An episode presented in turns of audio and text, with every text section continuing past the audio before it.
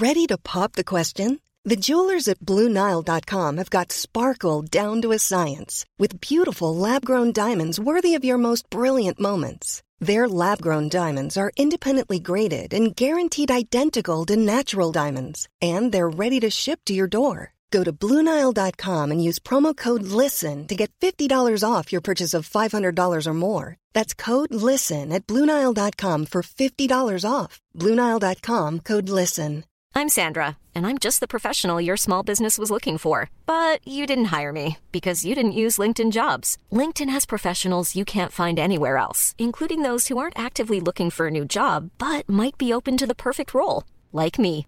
In a given month, over 70% of LinkedIn users don't visit other leading job sites. So if you're not looking on LinkedIn, you'll miss out on great candidates like Sandra. Start hiring professionals like a professional. Post your free job on linkedin.com/people slash people today.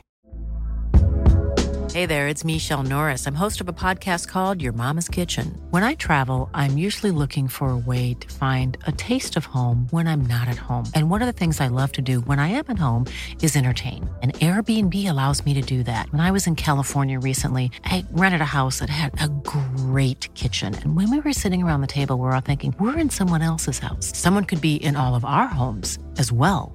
If you have a home, but you're not always at home, you have an Airbnb. Your home might be worth more than you think. Find out how much at airbnb.com/slash host.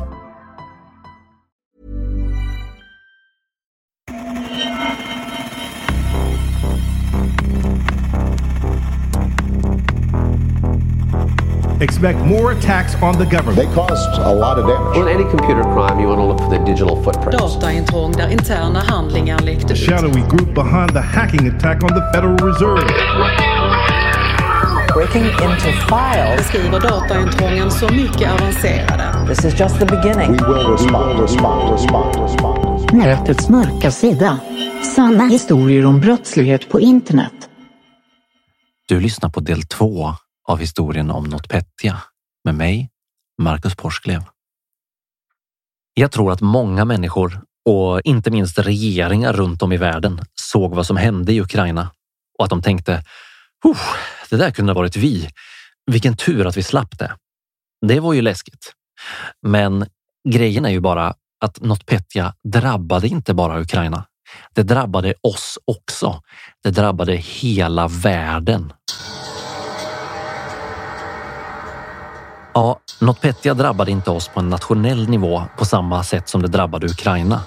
Men det drabbade företag och verksamheter över hela världen.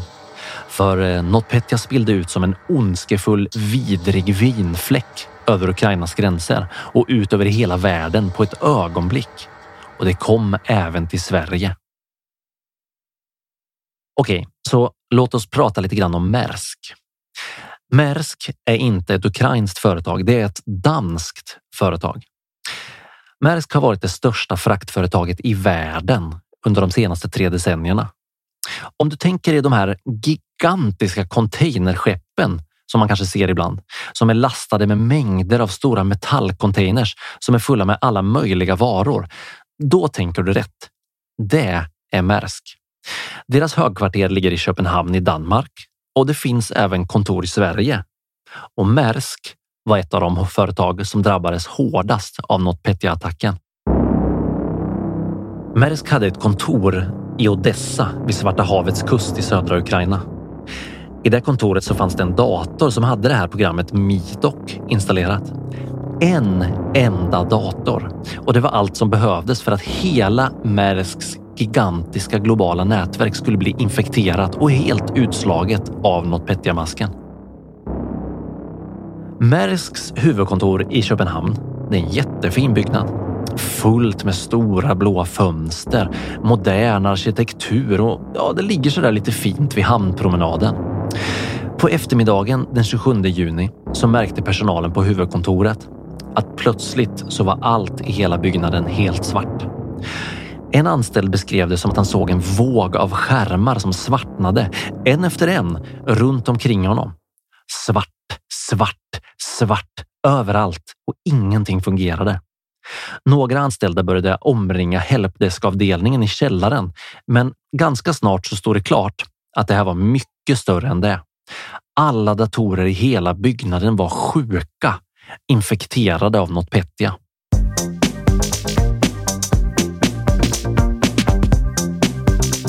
IT-administratörerna började springa så fort de bara kunde genom korridorerna och dra ut alla kontakterna ur alla datorer som de kunde hitta.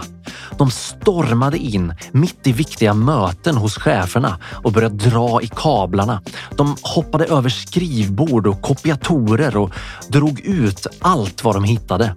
För till och med kopiatorerna hade blivit infekterade med NotPetya och blivit paralyserade i attacken. De sprang i ren panik och försökte stänga av alla system eftersom de visste att varenda sekund som systemet var igång innebar att hundratals eller kanske till och med tusentals fler datorer skulle bli utslagna och förstörda.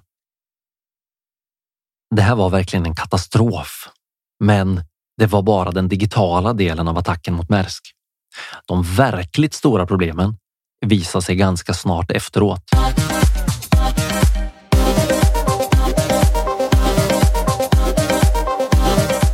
Okej, okay, så Maersk driver en gigantisk global fraktindustri med containerskepp i samma storlek som Empire State Building ungefär.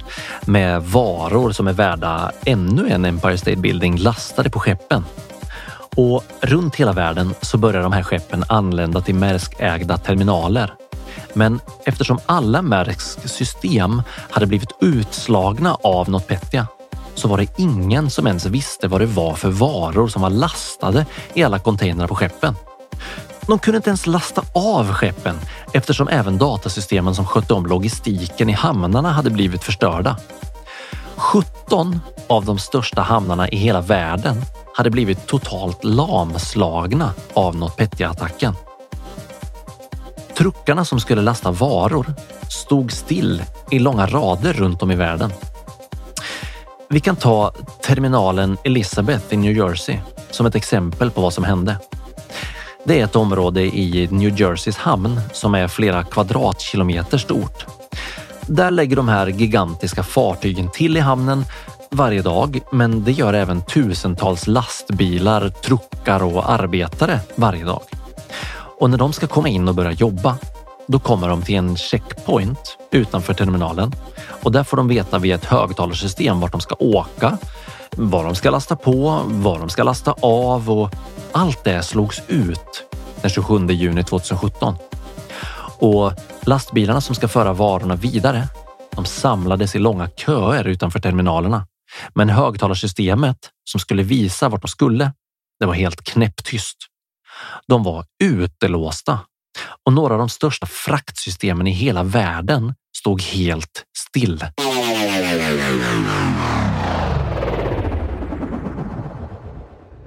De hade ingen aning om vad som hade hänt. Maersk kunde inte ens skicka ett e-mail till dem för att förklara, för alla datorer var ju döda. Lastbilsföretagen famlade i mörkret och folk började bli ursinniga över att allt stod still. Hamnpolisen anlände till checkpointen i New Jersey och började tala om för folk att de behövde sätta sig i sina lastbilar igen och vända om. Men alla de hade ju grejer som måste köras iväg direkt eftersom mycket av dagens fraktsystem bygger på att prylar skickas iväg on demand samma dag direkt utan fördröjningar. Det är vad vi kunder förväntar oss nu. För att inte tala om kylvaror som frukt och kött och mejerivaror som man inte bara kan lämna och låta stå still till nästa dag. Det var ett riktigt fiasko och snart stod det tiotusentals lastbilar med arga förare och väntade utanför Maersks terminaler runt hela världen. Från Los Angeles till APM-terminalen i Göteborg, för den blev också utslagen. Varenda en av de större terminalerna i världen hade nu köer, långa köer med lastbilar. Det var flera kilometer långa köer utanför de största.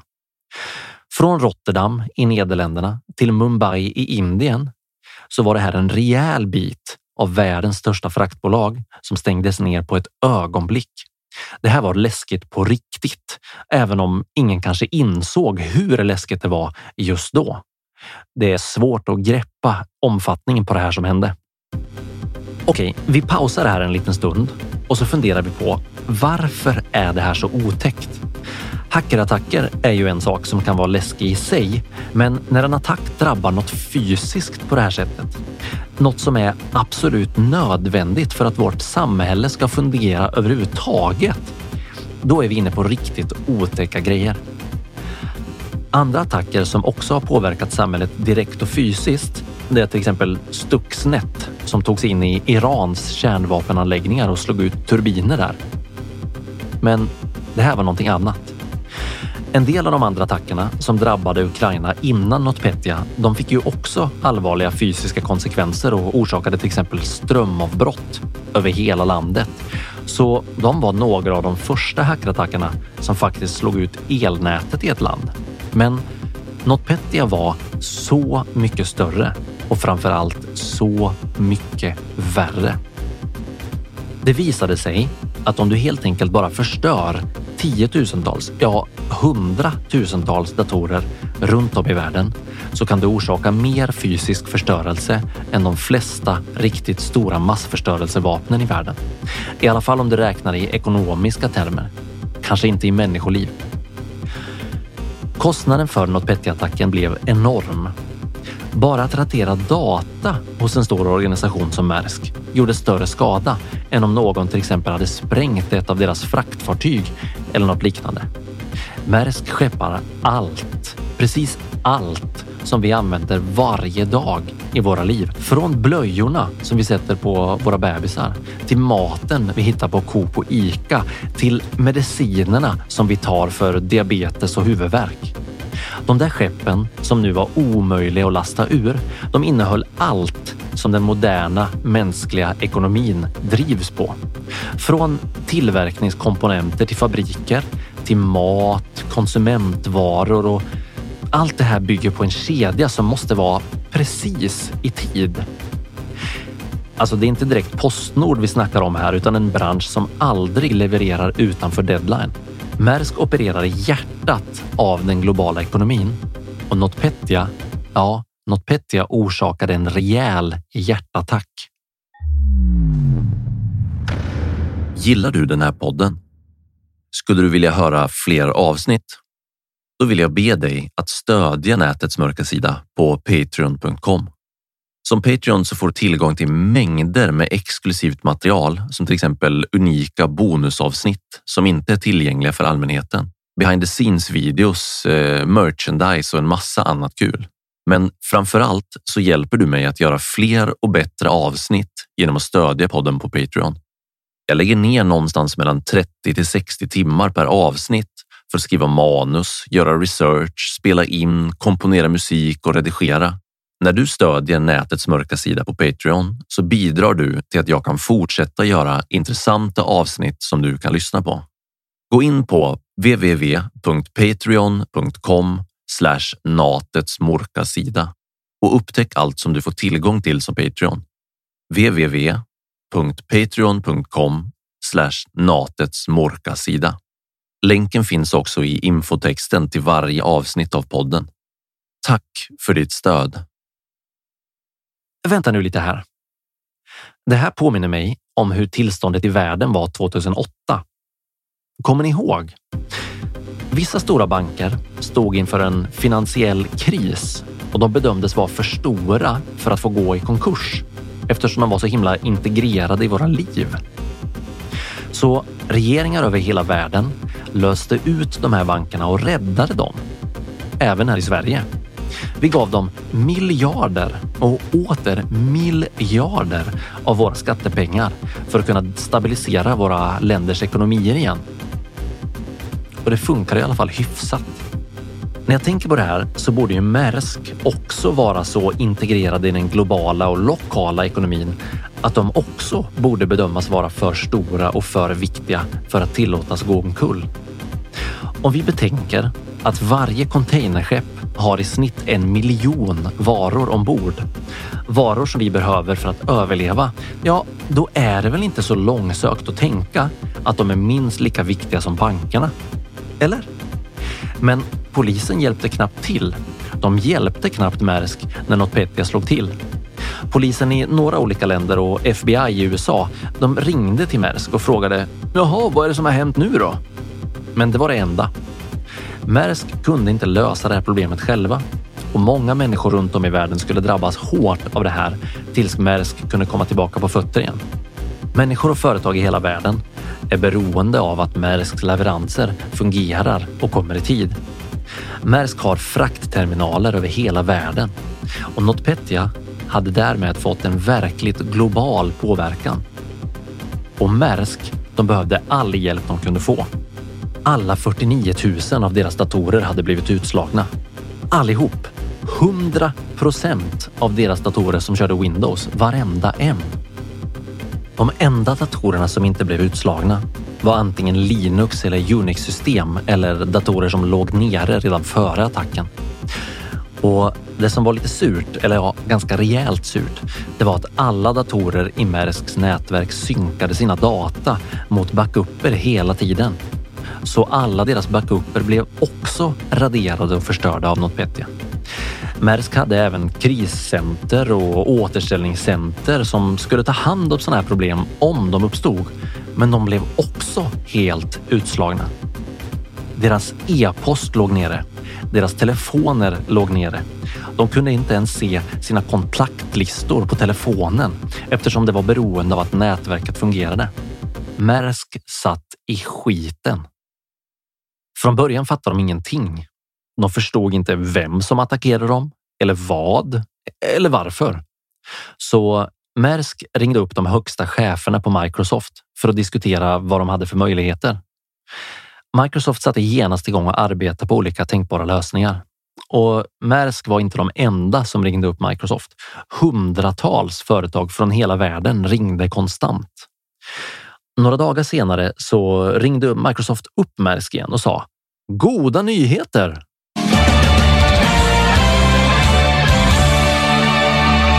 Vi har knäckt krypteringsnyckeln i utpressningsprogrammet. Woho!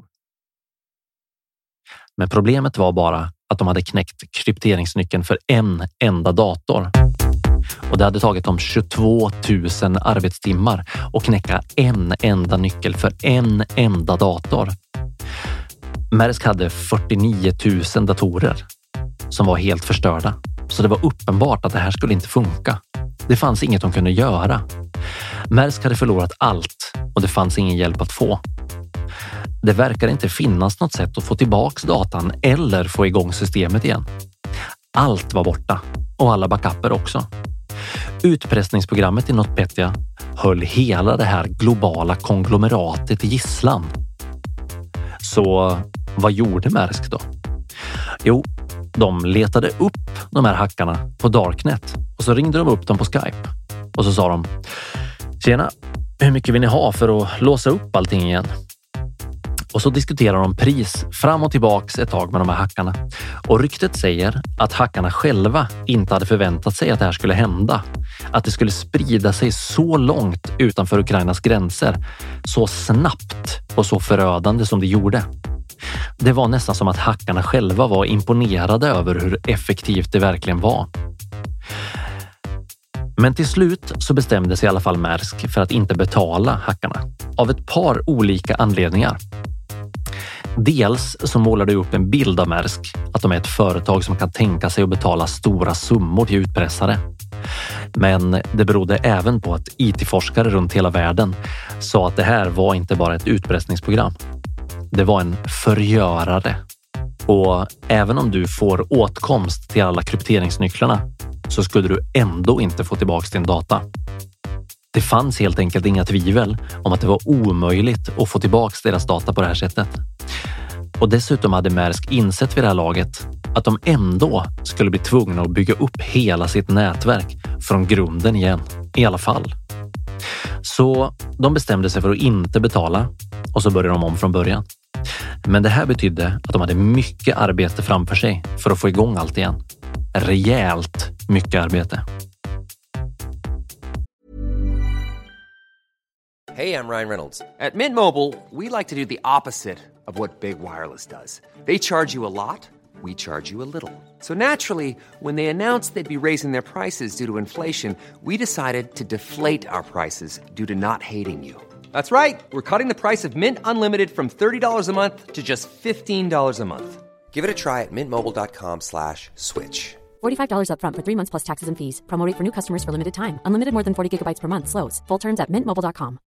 If you're looking for plump lips that last, you need to know about Juvederm lip fillers. With Juvederm Volbella XC and Juvederm Ultra XC, your lip look, whether it's subtle or bold, can last up to one full year with optimal treatment and no additional maintenance. Find a licensed specialist and see if it's right for you at juvederm.com today. That's J U V E D E R M.com. Add fullness to lips in adults over 21 with Juvederm Volbella XC or Juvederm Ultra XC. Do not use if you have severe allergies or a history of severe allergic reactions, or if you're allergic to lidocaine or the proteins used in Juvederm. Tell your doctor if you have a history of scarring or taking medicines that decrease the body's immune response or that can prolong bleeding. Common side effects include injection site redness, swelling, pain, tenderness, firmness, lumps, bumps, bruising, discoloration, or itching. As with all fillers, there's a rare risk of unintentional injection into a blood vessel, which can cause vision abnormalities, blindness, stroke, temporary scabs, or scarring.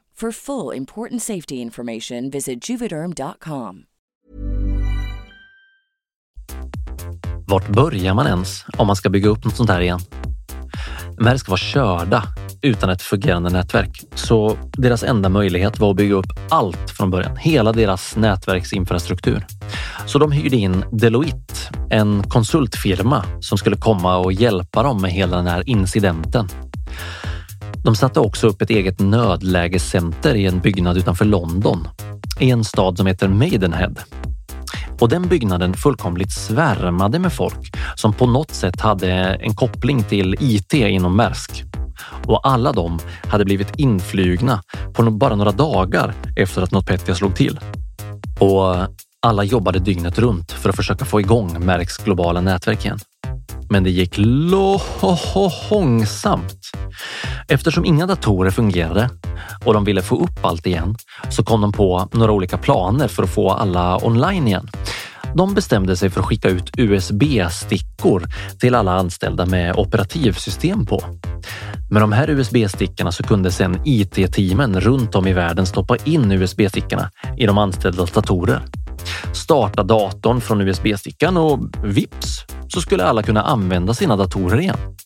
Skitsmart ju! De skulle såklart inte kunna komma åt sin data, men de har i alla fall kommit på ett sätt att få igång datorerna igen.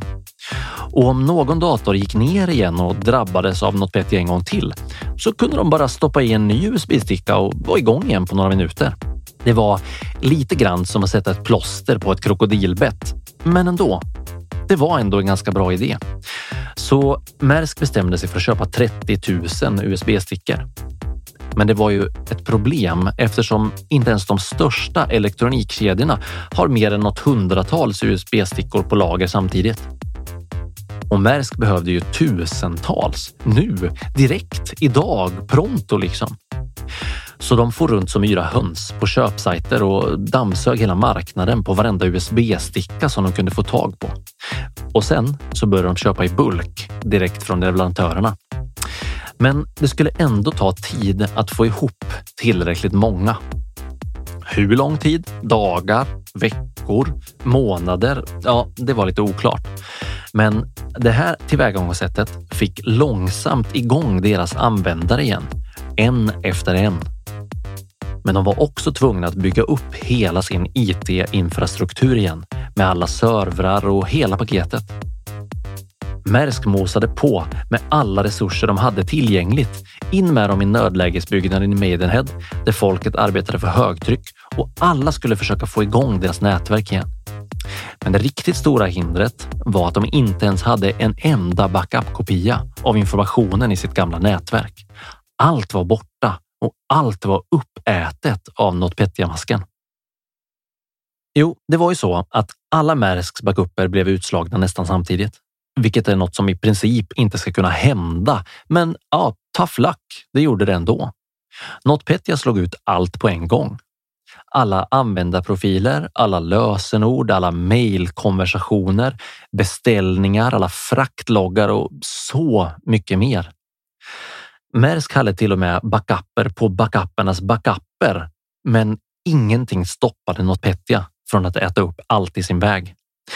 Tänk dig bara hur vi privatpersoner gör. Vi lagrar kanske våra privata bilder på telefonen. Vi kanske har lite i Google Fotos eller på iCloud eller i Dropbox. Och om vi är riktigt seriösa kring det här med backuper så kanske vi köper en bärbar hårddisk som ligger och skräpar i någon garderob någonstans. Kanske med RAID. Maersk hade en riktigt välfungerande backupplan som i teorin skulle vara helt stensäker, men inte ens de lyckades behålla någonting överhuvudtaget av sin data. Så de desperata IT-administratörerna på Maersk ringde runt till varenda plats i hela världen där Maersk hade kontor eller filialer för att se om det fanns någon enda maskin någonstans i världen som inte hade blivit utslagen av NotPetya och som kanske, kanske, kanske kunde ha en kopia av nätverket kvar. Och till slut fick de jackpot. Till slut hittade de ett litet datacenter i Ghana av alla ställen som hade haft strömavbrott precis när NotPetya slog till. Strömavbrott, det är inget konstigt i Ghana. Det händer liksom hela tiden. Men den här gången var det verkligen räddningen i nöden. Datacentret i Ghana hade klarat sig från NotPetya eftersom det var offline, strömlöst, när masken slog till och all data fanns kvar i deras backupsystem. Det blev ett högprioriterat uppdrag att få datorn med backupen till nödlägescentret i Maidenhead utanför London. Vadå datorn, kanske du tänker nu? Det är väl bara att koppla upp sig via internet till den där datorn. Man måste väl inte resa hela vägen till Ghana heller för att komma åt några filer liksom?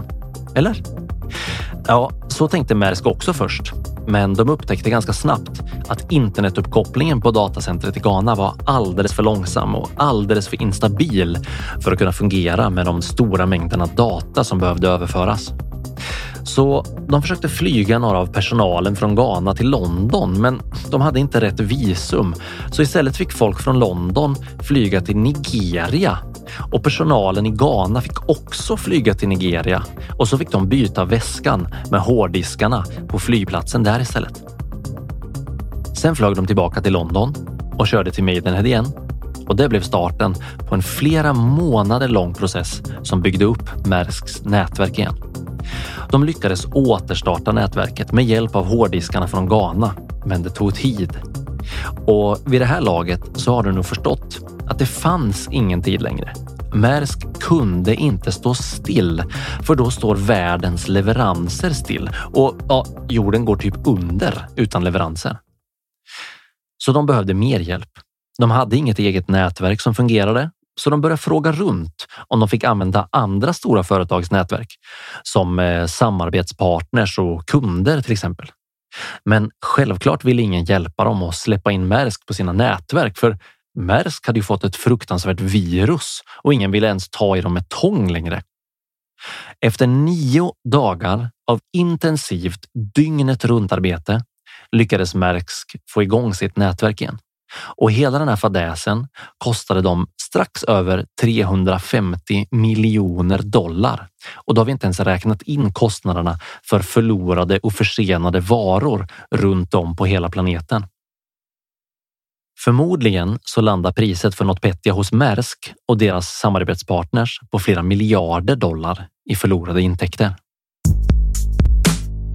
Okej, så det här låter väl inte så farligt, kanske du tänker nu. Några miljarder dollar. Det är ju kaffepengar i det här sammanhanget liksom. Ja, då får du nog tänka igen. Det här var ju bara historien om hur just Maersk hanterade problemen som uppstod efter att NotPetya gick bärsärkagång i just deras system. Och betänk att det var mer än 300 stora företag runt hela planeten som drabbades av viruset. Och det är bara de som vi känner till eftersom de har offentliggjort att de faktiskt drabbades. Vi pratar alltså om massiva kostnader på en global skala. Okej, så tillbaka till Ukraina igen då. Så NotPetya slog ut i princip varenda myndighet i Ukraina på några minuter. Infrastrukturministern i Ukraina Volodymyr Omeljan sa att regeringens nätverk var dött och att det spred sig till postverket. Hela postmyndigheten i Ukraina krossades, vilket inkluderade alla betalningssystem, alla system för att skicka pengar, alla system för att betala ut pensioner och löner till människor i landet och alla tidningstryckerier. Det arbetar ungefär 74 000 personer på postmyndigheten i Ukraina. Hur ska de kunna arbeta och hur ska de kunna få landet att fungera när alla datorer ligger nere? Hälsoministeriet i Ukraina de hann ju dra ur en del kontakter innan de blev alltför hårt drabbade. Men de flesta företag och myndigheter hade inte en chans. 22 banker i Ukraina blev utslagna. Sex energiföretag som levererar el och gas. Hela kreditkortssystemet i hela landet slogs ut och alla bankomater dog. Det här var en sorts fullspektrums cyberkrig som vi inte har sett någonstans i hela världen innan NotPetya slog till i Ukraina. Det blev en nationell katastrof, en epidemi som orsakade panik och kaos i hela landet. Ja, det här var en avsiktlig, mänskligt skapad katastrof. En attack som någon ville åsamka det ukrainska folket och landet. Det här var ett riktigt cyberkrig.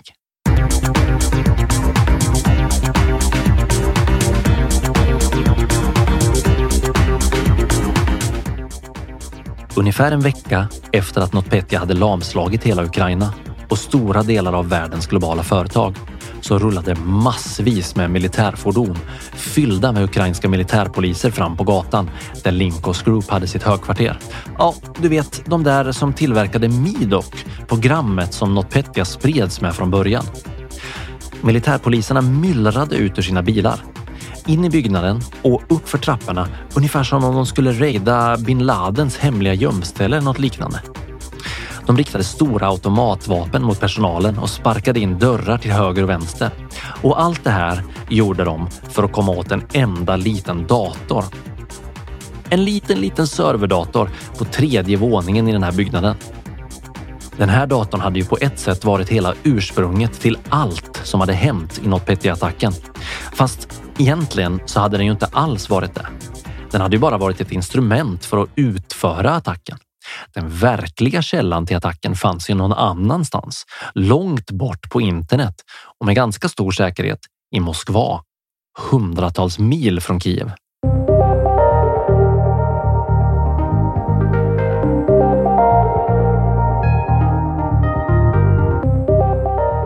Okej, så nu kommer vi in på den här delen av historien där vi ställer oss frågan men vem i hela friden skulle vilja göra något så fruktansvärt hemskt? Ja, nästan hela världen är säkra på att det var Ryssland som låg bakom NotPetya-attacken. Men det är inte alldeles lätt eller säkert att veta att det verkligen var ryssarna som gjorde det. Att bara tänka att Ryssland och Ukraina är fiender sedan länge, det räcker ju inte. Du behöver mer bevis än så. Det kunde ju helt enkelt bara varit kriminella hackare och även om de kunde befinna sig i Ryssland så innebär ju inte det per automatik att det faktiskt var den ryska staten som låg bakom heller. En stor utredning påbörjades som försökte luska ut vilka bevis som fanns om de som låg bakom det här. Fanns det några ledtrådar kvar på serverdatorn som militärpolisen hade tagit från Linkos Group? Ja, datorn analyserades noggrant Fanns det någonting på den som avslöjade hur de tog sig in? De analyserade också själva viruset för att se om det fanns några snuttar kod som kunde ge polisen ledtrådar om dess ursprung.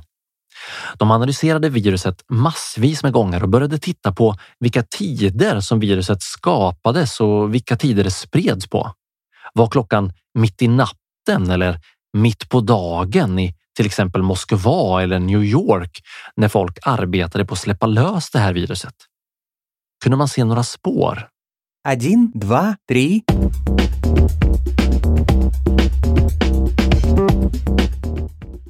Bara några dagar efter att NotPetya slog till så började den slovakiska cybersäkerhetsfirman ESET samla ihop bevismaterial som knöt NotPetya till de tidigare vågorna av cyberattacker som drabbade Ukraina och som orsakade stora skador på statliga myndigheter och också orsakade de stora strömavbrotten under åren före NotPetya.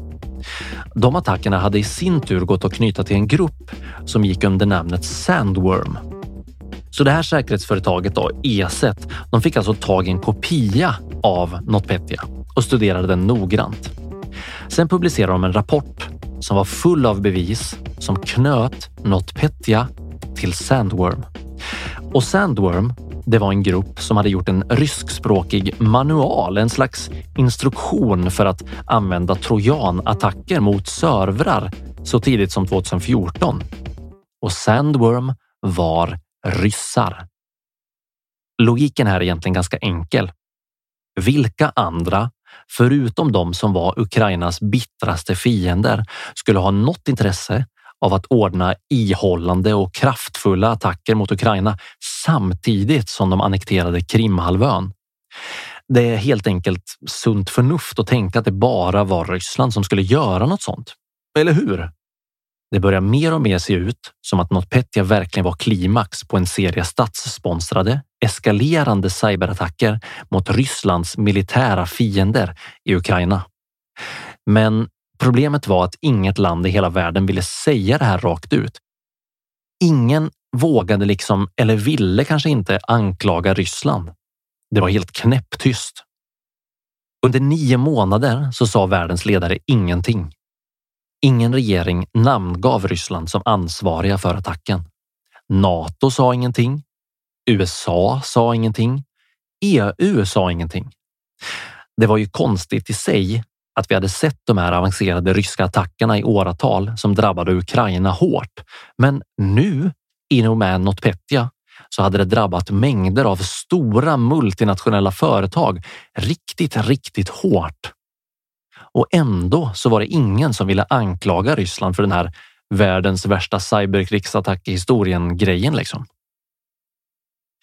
Men sen, äntligen, nio månader efter att NotPetya slog till, så uttalade sig Vita huset om det. Det var ett väldigt, väldigt kort uttalande som helt enkelt sa att ja, NotPetya var den värsta cyberattacken någonsin i historien och den här Terminator-mördarmasken utvecklades och sjösattes av den ryska militären mot Ukraina och att det skulle bli någon slags konsekvenser av det hela. Uttalandet från Vita huset backades sedan upp av liknande uttalanden från flera underrättelsetjänster och regeringar världen över. USA, Kanada, Nya Zeeland, Australien och Storbritannien med flera stämde upp i kören som pekade ut Ryssland som förövarna bakom NotPetya. Det finns fortfarande en del folk, kanske framförallt i Ryssland, som ifrågasätter om det verkligen var Ryssland som gjorde det här. Men i ärlighetens namn så finns det väldigt lite utrymme för tvivel här.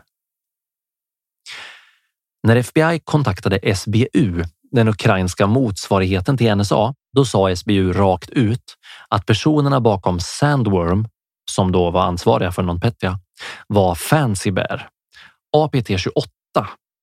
Det är bara olika namn på en annan rysk hackergrupp som sedan många år hade blivit avslöjade med att arbeta för GRU. Ja, Rysslands militära säkerhetstjänst. Det finns mängder med hackers som arbetar på GRU. Faktum är att FBI har avslöjat 12 olika hackergrupper från GRU som la sig i det amerikanska presidentvalet på olika sätt. Från trollkampanjer på sociala medier till rena attacker mot till exempel det demokratiska partiet i USA. Det finns till och med misstankar om att GRU har lagt sig i de svenska riksdagsvalen. Och det var Fancy Bear-gruppen som gjorde allt det här. Men det var någonting som var lite annorlunda med just NotPetya. NotPetya-attacken gick inte riktigt till som de tidigare attackerna som Fancy Bear-gruppen hade utfört. Så därför fick de namnet Sandworm istället.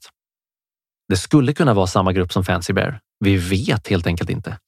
En inte alltför vild gissning är väl att det kan vara en hackergrupp som sitter i arbetsrummet bredvid Fancy Bear-teamet på GRUs högkvarter i Moskva.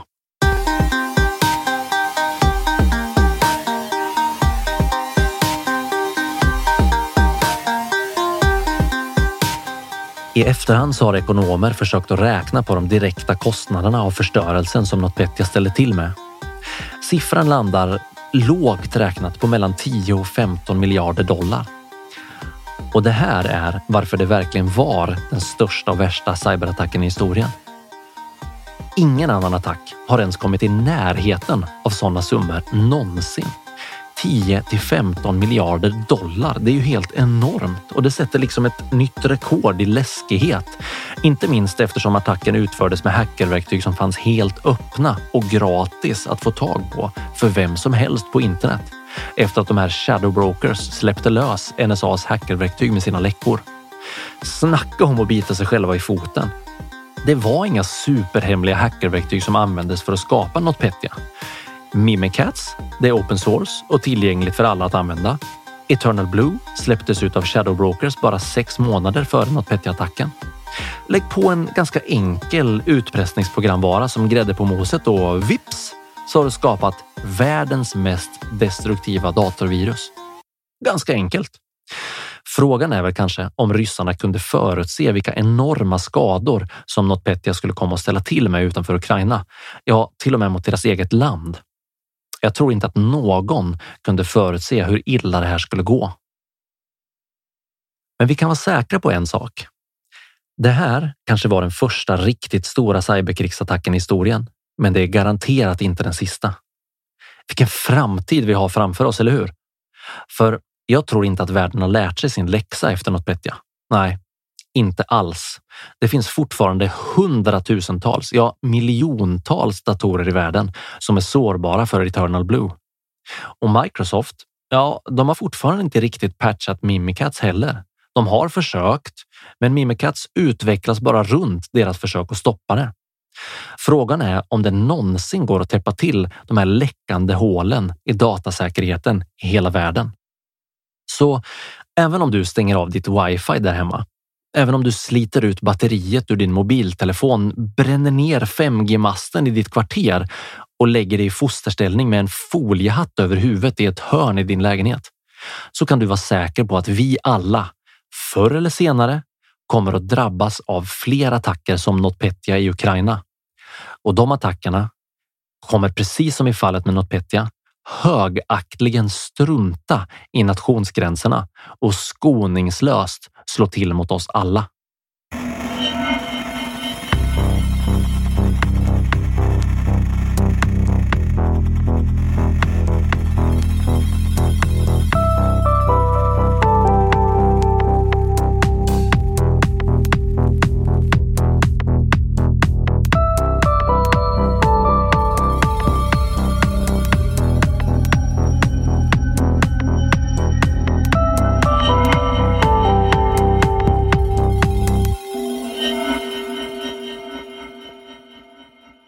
Jag heter Marcus Porsklev och du har lyssnat på nätets mörka sida.